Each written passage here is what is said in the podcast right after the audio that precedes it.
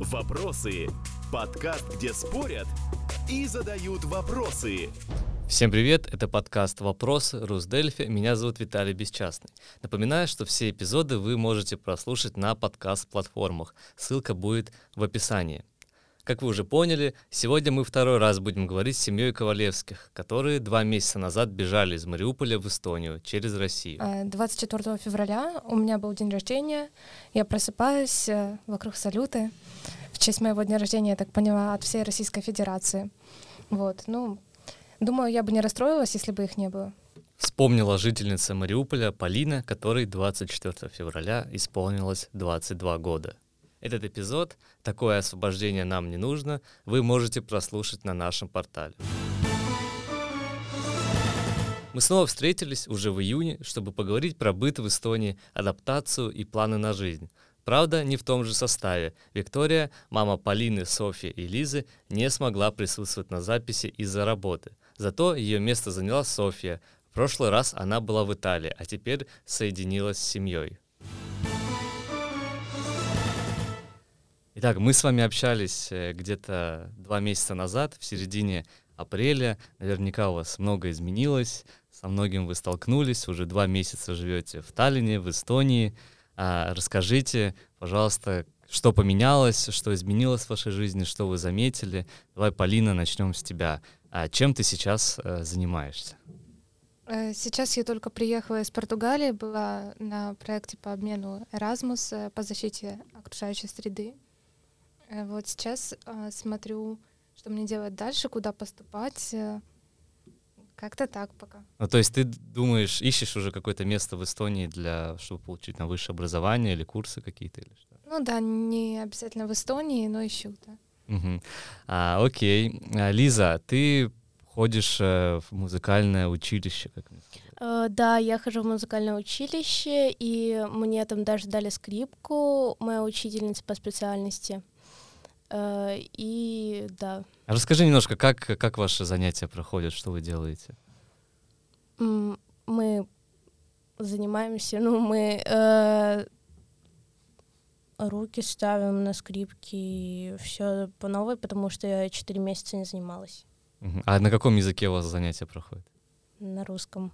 Окей. И у нас сегодня еще новая гостья, Софья. Софья, привет. Здравствуйте. А тебя не было в прошлый раз. А где ты была? Я была у двоюродной сестры в Италии, и я находилась там месяц, плюс-минус, и ждала, пока родители приедут сюда, в Таллин, чтобы вернуться к ним. Угу. Ну, э, расскажи, чем ты занимаешься? Я сейчас в консерватории, и э, там люди очень добрые, они очень мило приняли меня, и я занимаюсь э, ну, как вольный слушатель э, с преподавателем Михкелем Полом, и я им всем очень благодарна, потому что мне дали стипендию, мне дали где жить, и вот пока до августа я могу свободно там находиться, и уже буду поступать в июне у меня экзамен, и я буду поступать э, на сентябрь. А на кого? Я пианистка. Пианистка, и это какое учреждение? Э, это Академия музыки и театра. Эстонская академия да. музыки и театра ты будешь поступать как бы на первый курс на... На магистратуру. Я закончила 4 курса, ну, точнее, 5 курсов в своей Харьковской консерватории. У нас система такая, что 4 курса бакалавриата и потом 2 курса магистратуры. И я закончила первый курс магистратуры, и сюда я буду поступать уже на второй. Mm -hmm. а, окей, э, с нами еще Петр. Петр, э, чем вы занимаетесь? Здравствуйте. Э, я пока работаю уличным музыкантом в старом городе.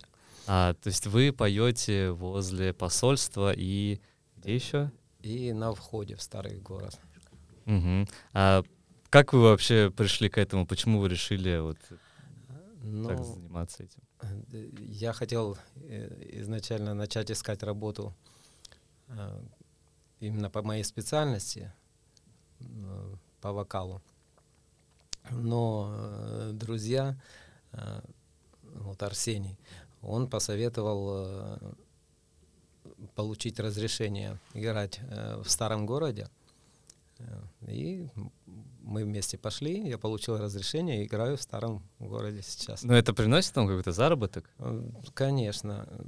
Ну, если бы не, не это, так сказать, работа, честно говоря, я не знаю вообще, что бы мы делали. Ну, а расскажите, как выглядит ваш день? То есть вы к 8 утра, как на работу приходите, в 5 заканчиваете или что? Э, Нет, это не, не полный рабочий день. Я выхожу э, к часу э, на посольство, возле посольства играю. Посольство России. Э, Да, пою там на английском, на украинском и на русском. Вот, а потом спускаюсь э, ко входу в старый город и там еще, ну, в общей сложности где-то э, 3-4 часа я на улице пою. И сколько вы зарабатываете в день, если не секрет? Секрет. Ну, 2000 евро в минуту. такая расценка. Ну, от э, одного цента до 2000 евро. примерно. Больше не По-разному, понимает. по-разному Да, бывает. бывает очень по-разному. А Виктория у нас а, сегодня отсутствует, э, к сожалению. Ну, давайте, Софья, расскажи, пожалуйста, чем мама занимается сейчас? Э, Мама у нас э, просто профи по воспитанию детей, потому что у нас трое. И она сейчас занимается, она няня э, у ребенка, и она э, несколько раз или один раз в неделю, я не точно помню, работает в садике с детьми тоже. И, но кроме этого, она очень стесняется, но это э, небольшая, небольшой момент рекламы, она занимается э, кондитеркой, ну это если так сказать попроще. Пироги делает, Да, да? и причем они не Торт. просто супер вкусные, они супер красивые. И если бы можно было приложить тут фотографии, я бы их миллион накидала, потому что, правда, она и не только пироги, пироги, пироженки, всякие пасочки и так далее, она очень все делает интересно, но пока она, наверное, стесняется здесь что-то в этом направлении искать, но я надеюсь, что найдет, потому Мгм. что здесь это вроде как развито. И все на натуральных продуктах. Ого. Да. А ну ей э, тяжело было найти вот эту работу няней э, или как, как это вообще получилось? Ну, это э, одну работу э, предложили друзья наших друзей, вот, а вторую она сама нашла. Мгм. А вы наверняка столкнулись э, с какой-то бюрократией, как оформить, оформить себя здесь, в Эстонии. Что-то, может быть, особенно запомнилось или не понравилось? Ну, как бы какие-то моменты не хочу указывать, где и как это было, но было.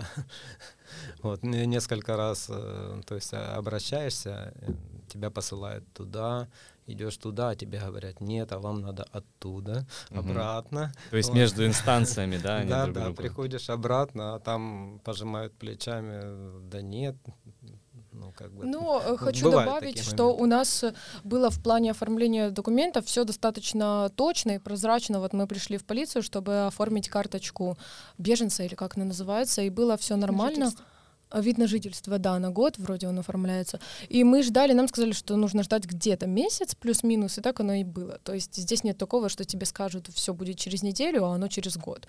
Вот. Но я помню один минус, который мне не понравился. Я, как музыкант, я хотела пойти в театр, чтобы послушать э, две оперы. Мне нужно было послушать, чтобы подготовить свой экзамен, потому что я сейчас онлайн в консерватории своей харьковской доучиваюсь. И в театре мне сказали, что, ну, я слышала, и мне мама показывала даже какую-то статью, что украинцам бесплатно можно ходить в театр и всякие культурные мероприятия, как музеи и так далее. И я пришла в театр, мне сказали, чтобы я шла за билетами в посольство в украинское. Я туда ездила один раз, было закрыто, я съездила второй раз, рано утром специально проснулась, приехала, и женщина очень резко отреагировала. Я не буду описывать ее и там и так далее, но вот что мне не понравилось. То есть она резко отреагировала, сказала, что у нас такого нет, всякие фильмы ваши и всякие театры мы не, ну, не предоставляем. Я говорю, ну извините, мне так сказали. Вот. Это единственное было, ну, грубость. А так я ничего такого не помню. Но что, что, вы, что вы делали вот эти два месяца? Вы нашли каких-то новых знакомых, э, посетили какие-то места? Расскажите про ваш вообще быт и жизнь э, вот эти два месяца в Таллине, в Эстонии. Э, Да, кстати, что касается этого, большинство жителей Эстонии, не только жителей и тех, кто держит э, бизнес, э, они очень приветливы, и они предоставляли очень много разных возможностей для украинцев. К примеру, я ходила в бассейн, прекрасный бассейн, кажется, Сыли называется. Сыли есть такой бассейн, да. чтобы произнести точно. Вот. Потом мы сейчас ходим в зал тренажерный, тоже бесплатно предоставляют украинцам до да, конца это я июня. забыла, да. MyFitness. Я была безумно рада, когда я там нашла грушу боксерскую, потому что я занималась в Мариуполе, это прям ностальгия для меня была. Ты боксом занималась? Да, ну я занималась где-то год, может быть, чуть больше, но так хотелось снова. Вот, и это действительно ностальгия, очень хорошая возможность. Эм, можно посещать, э, было различные музеи, выставки. Э, потом совсем недавно был э, вход для украинцев бесплатный в ботанический сад. Там просто прекрасно. Единственное, что женщина, которая там сидела, она увидела, что мы счастливы перед тем, как мы входим. Я говорю, тут для украинцев бесплатно. Она такое лицо делает и говорит, для украинских беженцев. Она же не знает, что мы пережили в Мариуполе. Они, да, она, она видит наше лицо, считает, что... Кстати, хотела еще да. по поводу этого сказать, э, почему иногда особенно чем больше даешь интервью, тем больше становится неприятно от комментариев э, под интервью, когда люди пишут, они слишком счастливы, у них слишком счастливые лица для того, что они пережили, или э, почему они шутят после таких событий, они все придумали. Вот я бы хотела эту тему затронуть, потому что из-за этого, ну, отчасти из-за этого неприятно давать интервью, и хочется уже немного расслабиться и об этом начать забывать, но люди постоянно напоминают, и, э, ну, тут момент психологии психологии, потому что когда ты постоянно потом э, рассказываешь свою тяжелую историю. Ну, я не была в Мариуполе, моя семья, вот Полина, Лиза, папа, мама были в Мариуполе, я была в Харькове. И я же оттуда потом к сестре уехала. И вот я не представляю, каково им было, и я рада, что они с юмором это переживают, чем как как бы вот часто подставные актеры, они наоборот, там могут расплакаться на камеру, еще что-то. Наши так не делают. И я думаю, что юмор это даже лучше, чем если бы все рассказывали все с печальным лицом. Поэтому я просто призываю к тому, чтобы люди не, э, не осуждали и не обвиняли в том, чего не было. Лиза, ты добавишь, что ты хотела? Нет, я просто сказала, что это защитная реакция, то есть, ну, улыбаться и рассказывать об этом нам уже не нужно плакать, мы же снова по новой это не переживаем. Угу. А, ну, ваш дом в Мариуполе, я видел, по-моему, Петр, у вас в Фейсбуке полностью разрушен. Да. То есть у вас есть даже фотография, где вот он разрушенный. Да, ему там вообще не хорошо. Есть фотография, раз... где э, я до войны перед домом, и потом, ну, конечно, уже без меня фотография дома после войны. Фотошопом просто, да? Не, не фотошопом. Нет, Просто ну, моя настоящая фотография а. до войны. Фотография. А те фотографии, которые разрушены, уже прислали люди, которые там Он вообще, я помню, в него попал снаряд, по-моему, три или два раза, и он горел тоже. Три раза он горел. Он горел, а наш подъезд э, там вообще снесло ракета, и он провалился другой подъезд. Да, то есть наш пятый этаж обрушился на второй подъезд, а мы в первом. Ого. Да. А ну у вас э, все равно остались какие-то знакомые сейчас в Мариуполе или как? Да. Есть да, еще там, есть, которые там находятся. Да, да. Которые не а могут что они сообщают, что сейчас в Мариуполе происходит? А, ну вот такой момент.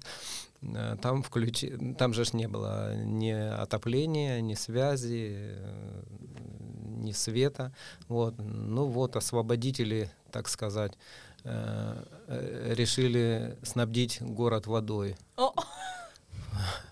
Включили воду, ну вы сами понимаете, да? Ага. То есть снаряды разрывались на каждом квадратном метре. То да, есть, там живого ничего. И они как-то да. вот решили помочь включить воду, есть, да, которую разрушили. Вся цепь, Понятно. да. Очень умно. То есть э, водостоки, подводы, горячей, холодной воды, все перебито под землей. Ну как-то вот они не учили это. Включили воду, и у нас э, Венеция была. Да, но после этого еще папа, ну, ты же не забывай, сделали палатки вот эти, а, да? Да, да, да, где можно душ принять, как бы, ну, помощь. Прямо на улице. Помощь да. бедным mm-hmm. мариупольцам, которые остались без воды и без жилья, ну, чтобы хоть помыться смогли. Ну, то есть сейчас а Мариуполь полностью под э, российской оккупацией. Да, и да. там сейчас, да. Э, знакомый сказал, что, э, ну, например, там четыре района у нас в, в Мариуполе. Ну, они большие.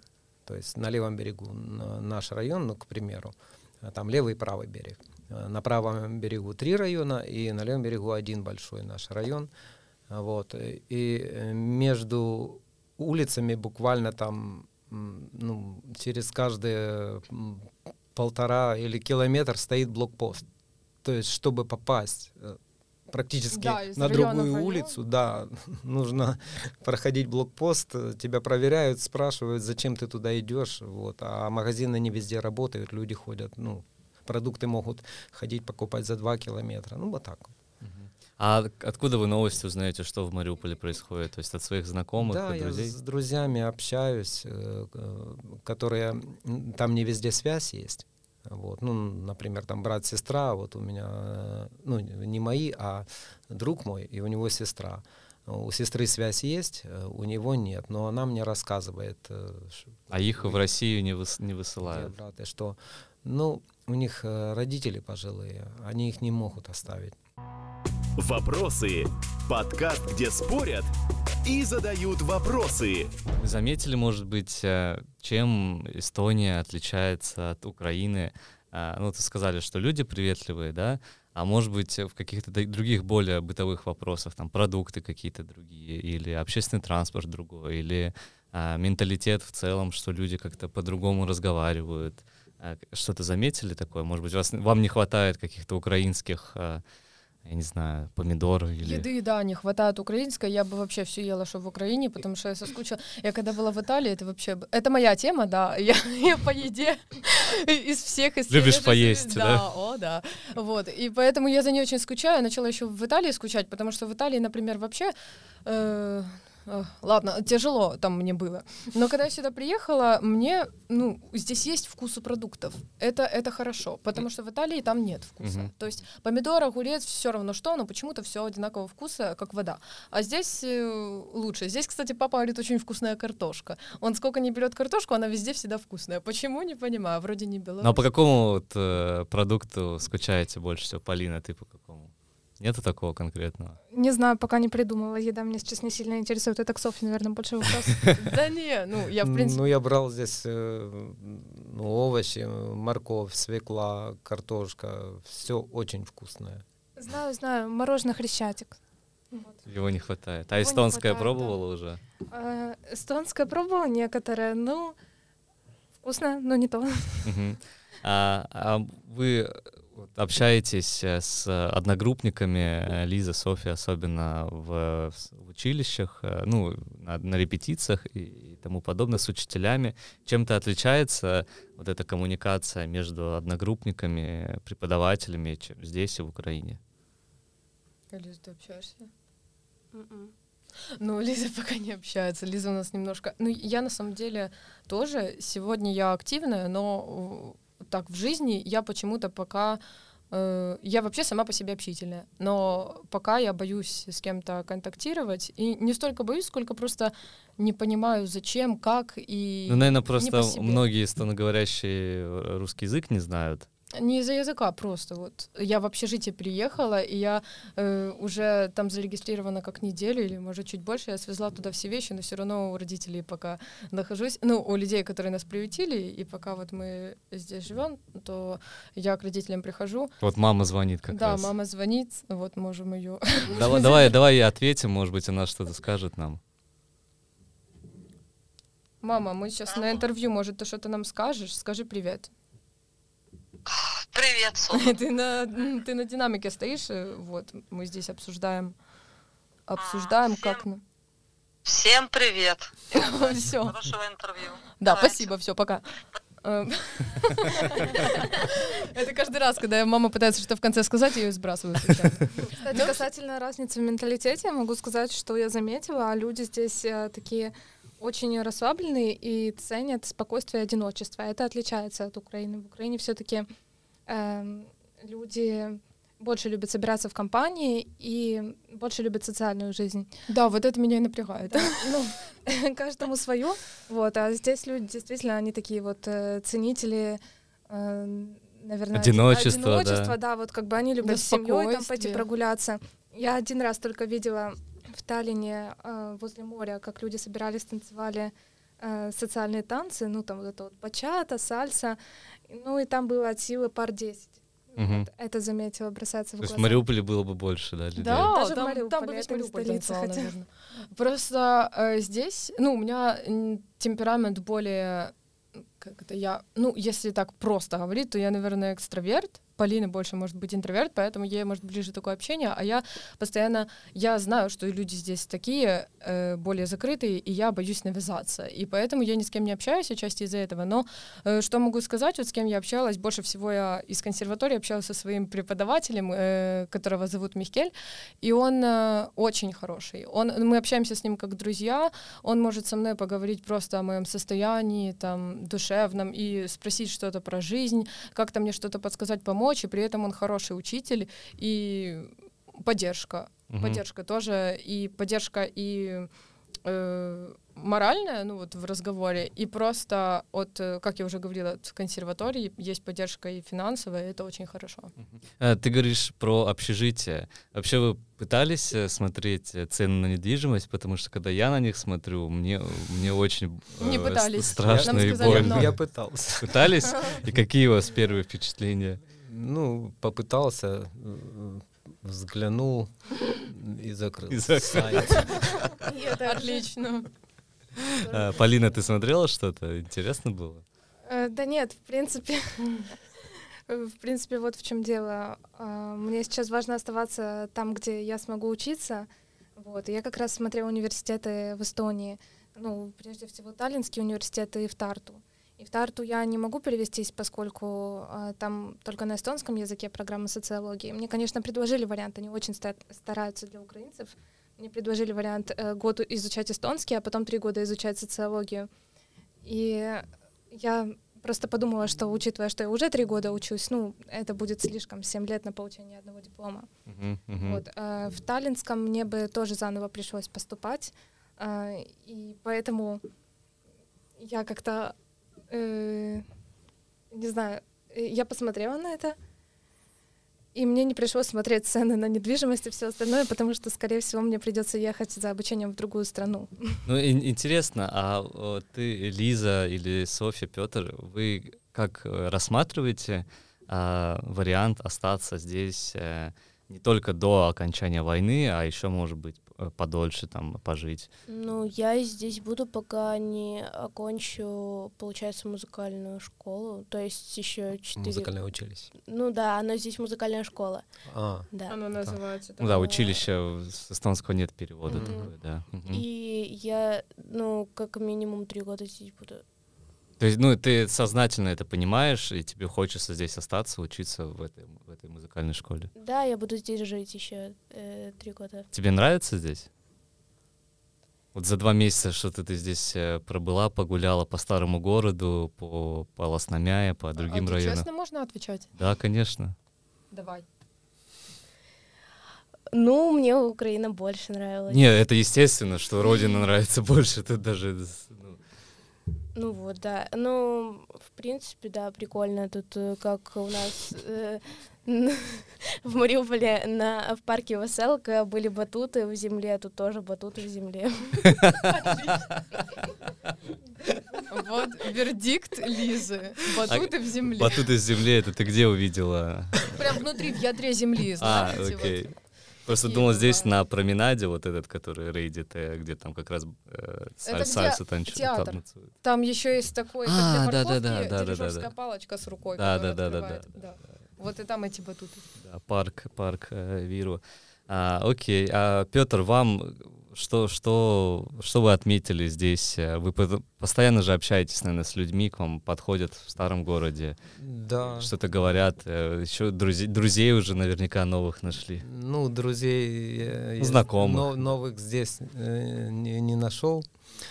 Вот, потому что э, вот именно нашими друзьями остались те, кто нас принял, кто нам изначально помог. Кстати, я э, хочу имена назвать, потому что ну, Давайте. это такая благодарность э, от всей нашей семьи. Можно я? Вот, Что ты хочешь? давай. Имена назвать? Да. говори. Давай. Я хотела сказать спасибо э, э, Жене, Ире, это их семья, они нас приютили. Они друзья Арсения и Даша. Да, э, Арсений и Даша тоже приютили маму с папой. Э, и еще я хотела сказать спасибо э, своей учительнице Эви Пундер. Это учительница моя по скрипке, она дала мне скрипку, и она со мной занимается, и все это бесплатно. Мне дали общежитие. Хотела сказать спасибо школе этой музыкальной большое. Вот. Принципе, все. Петр, есть кого добавить? Э, Ну, сейчас мы еще э, живем у э, се- семьи, значит, эстонка Евгения, вот, и сами супруг.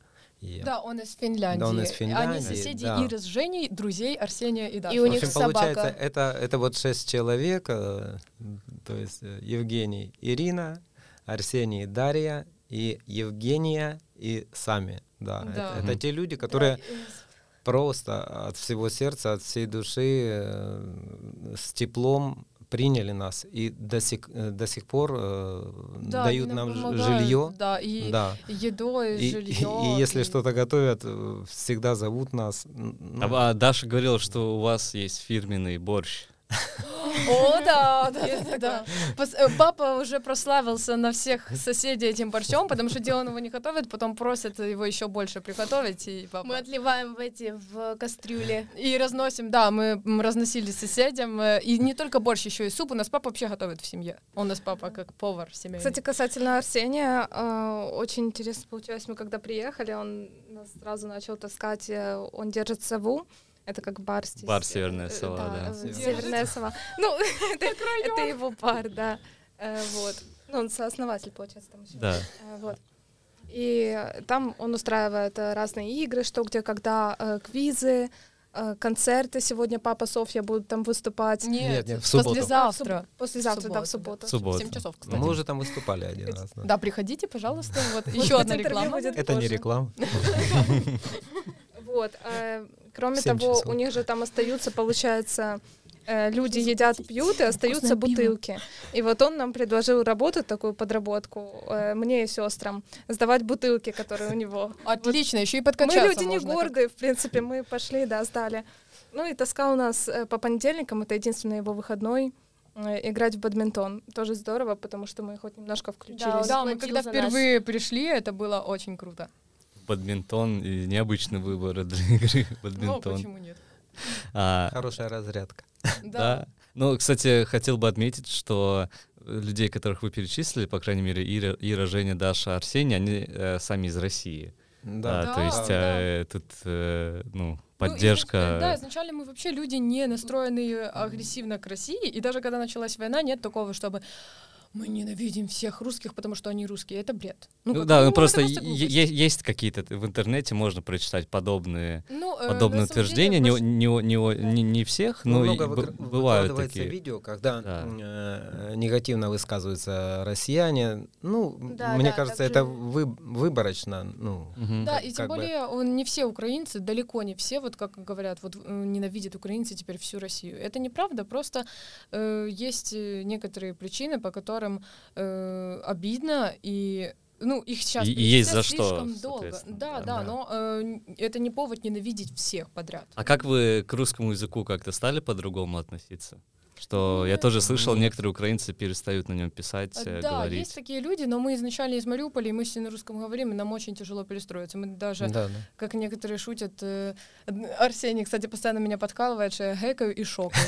Но я Мы ничего не могу заметили. с собой сделать. Это, это все. Ну, что касается меня, то мне, наоборот, приятнее стало, гораздо приятнее говорить э, на украинском языке. И в соцсетях я перешла, у меня там украинский и английский только. Ага. Для меня это принципиально. Вот. Но что касается жизни, да, тут нас приняли люди из России, и поэтому с ними я говорю на русском, семья у меня тоже вся говорит на русском. Вот. И что касается людей, которые негативно относятся к русским, ну, их объяснение такое, что э, если наши люди умирают, если наши невиновные люди умирают, то почему мы не имеем права не любить ваших невиновных людей? Ну, и мне кажется, вполне логичное объяснение, и как бы злиться и попрекать их в этом нельзя, потому что они потеряли гораздо больше. Вопросы. Подкаст, где спорят и задают вопросы. Сейчас э, наступило лето, а мы записываем э, второй... Уже лето. Лето, серьезно? Согласен, по вот этой погоде, которая из нашего окна в четверг вечером, совершенно непонятно, что лето. Привыкли ли вы уже к постоянному дождю, ветру и вот этой вот Нет. серости? Правда, нет, это очень тяжело. Мне кажется, никогда в жизни не привыкну. Потому что у нас в Мариуполе в это время, это сейчас получается 2 июня, и у нас уже в начале мая такая погода, как здесь, наверное, в середине июля, мне так кажется. Ну, то есть сколько там, 25 э, градусов где-то тепла, да? 30? 30. Ну, 30. я не математик, я просто по ощущению помню, что мне было нормально. Ну да. Иногда купались уже в конце мая. Да, да, мы выходили На море. загорать. на- Ну, Мы же возле моря живем. мне, Жили. мне я рада, что не жарко пока что, потому что я вообще не очень люблю жару. Вообще не люблю жару. Ты в правильную страну попала. Я просто, да, мне лучше холод пережить минус 20, чем вот так. Мгм. А Полина, тебе как? А я уже жду скорее момента, когда я поступлю и смогу поехать в Испанию, что ли. Ну, действительно, к такой погоде, наверное, я даже, который здесь родился, до сих пор не привык. А, Но вот сейчас будет э, у нас а, один месяц лета, это в июле, будет более-менее хорошая погода. В прошлом году вообще было отлично, надеюсь, в этом тоже примерно так. У нас будет э, праздник Иванова ночь э, 23, 22, 24 а, июня. Слышали ли вы что-то об этом празднике? Ну, как Ивана Купала? Да. А, ну да. А вы тоже отмечаете? да, Украине? Ну, как отмечаем? Ну, Ну, у нас просто это прям э, чуть ли не вот есть Новый год. да, традиция. Да, и летом это вот это вот э, Новый год, потом э, Иванова ночь, Это вот как Пасха, в ранге. В Италии. Да-да-да. А, то есть Нет, у нас так не отмечают. так не Ну, отмечают. нас вот готовьтесь, Да, мы готовьтесь. как-то с семьей, типа, плели веночки, там ходили, ну, с мамой, точнее. Папоротник искали. За жизнь там сходили на море, да. вы- Прыгали через костер, ну, это не Мгм. так, что Это было традиция. за всю жизнь раза три, наверное. А, не, у, не, у нас это будет прям масштабно. Если вы на любое место придете, где можно жарить шашлык, а, там будут все жарить шашлык. У эстонцев э, в крови шашлык течет в эти числа, потому что я не удивляюсь, откуда такая любовь к шашлыку у Ну местных мы с людей. Лизой точно там будем. А мне надо до того момента в Испанию уехать. Да, Полина вегетарианка. А, окей, хорошо. а, давайте тогда закругляться. А, что дальше? Какие планы на вот этот месяц а, июнь? С одной стороны, каникулы будут. э, не, нужно, наверное, так учиться будет усердно или все равно учеба июне? продолжается? Да, у вы- меня гора экзаменов в июне. Ага. А Лиза, у тебя тоже? Да. Петр, какие у вас планы на июнь? Еще не знаю, ну, я х- хочу по музыке найти работу. Ну, Мгм. сейчас я э, пойду на другую работу, на тяжелую, дне- дневную. Вот. Ну, а э, постараюсь э, после обеда играть на улице. Вот. Ну и надеюсь, там, может, как- Тяж- тяжелую кафе работу вы какое-то. имеете в виду? грузчиком. Кстати, говорят, Да. что в Европе есть работа для детей с э, 16 лет, с 15 лет, а я не нашла пока работы еще. То есть я еще и везде написано с 18. Мгм. Просто когда на улице играю, лю- люди подходят, э, кстати, местные эстонцы, многие говорят хорошие слова. Узнают? А, Ну, им нравится, как пою, и говорят, А. ну, вообще, а что вы здесь делаете? Говорит, ну, вам надо и- идти, ну, в какие-то... э, Вы же уже те- те- выступали и, театры, и на, и- на ещё телеканалах. э, где-то. На Э, телеканале мы- одном. э, Да, на мы одном мы с- все, э, все вместе, да, вот, э, вернее, втроем. Э, Полинка была как раз э, в, в Португалии, вот, и мы, э, Лиза на скрипке, Софья на гитаре, я на гитаре, и мы спели песню. А, и к слову о музыке, рекламная пауза. Каждую субботу в баре «Сова» мы с папой выступаем с 19 до 20.00. Спасибо. Там еще может играть скрипку по случайности. Да, и поэтому надеюсь найти по, музыке работу. Ну вот с ребятами разговаривали, э, с местными музыкантами разговаривали. Мы как раз после, вернее, перед ними выступали в Северной Сове. Вот. Им, им очень понравилось, они подошли, познакомились с ними, э, разговорились. Вот. Ну, спрашивали, говорят, пишете вы авторские песни? Вот Софья пишет, я пишу. Мы говорим, да, ну, как бы пока поговорили, вот, э, обменялись телефонами, показали э, свои демки, значит, ви- ви- видео, промо. Вот. Ну, по- пока так. Ну, я так понимаю, у всех у вас э, одна цель это там закончить учебу, э, найти еще какую-то подработку а, и как-то а, более комфортно себя в финансовом плане чувствовать? Да, финансово Да, сейчас да. самая проблема, потому что э, страшно. Вот Вы- вы знаете, ещё- Первое чувство а, это страх сейчас. Я вот э, пос- пособие, конечно, ну, то есть мы только один раз получили пособие, вот, э, и не знаем дальше будем получать или нет. Да, это Э, не- да, и это получается по неизвестно. 120 евро. Вот. На человека? Да, на человека, ну, вот я же А говорю. тут если посчитать еду, посчитать жилье, а если бы жилье да, мы снимали еще, А пока мы да. не можем найти работу, это очень, ну, как-то непонятно и пугает. Да, Ну, чувствуется, что вот жизнь э, в Таллине дорогая. Про, Ну по- да. продукты, Да, да, если да. там жилье, коммуналка. Говорят, что здесь, э, я была в магазине, говорят, что э, э, зарплаты высокие, я говорю, но цены тоже высокие, как бы они ж не... Ну, Зарплаты не такие высокие, как цены, если кажется. Ну, потому что сейчас инфляция 20%, а зарплаты каждый год на 20% э, ну, ни, у- ни у кого не Ну растут. да, Тут надо успеть, э, тут надо просто работать в Эстонии, а ехать жить куда-то, где все дешевле. А, Полина, у тебя тоже планы э, найти учебу по социологии в Испании? Ну, у меня сейчас дистанционное обучение продолжается в Мариупольском государственном университете. Мгм. Сейчас до конца июня будет сессия, а, начинается на следующей неделе, а пока просто учимся. А, Вот. А, В Эстонии здесь а, нашел, нашли меня люди, которым очень понравилось, как я пою, и хотели организовать мини-концертики э, с людьми, которые поют в поддержку Украины.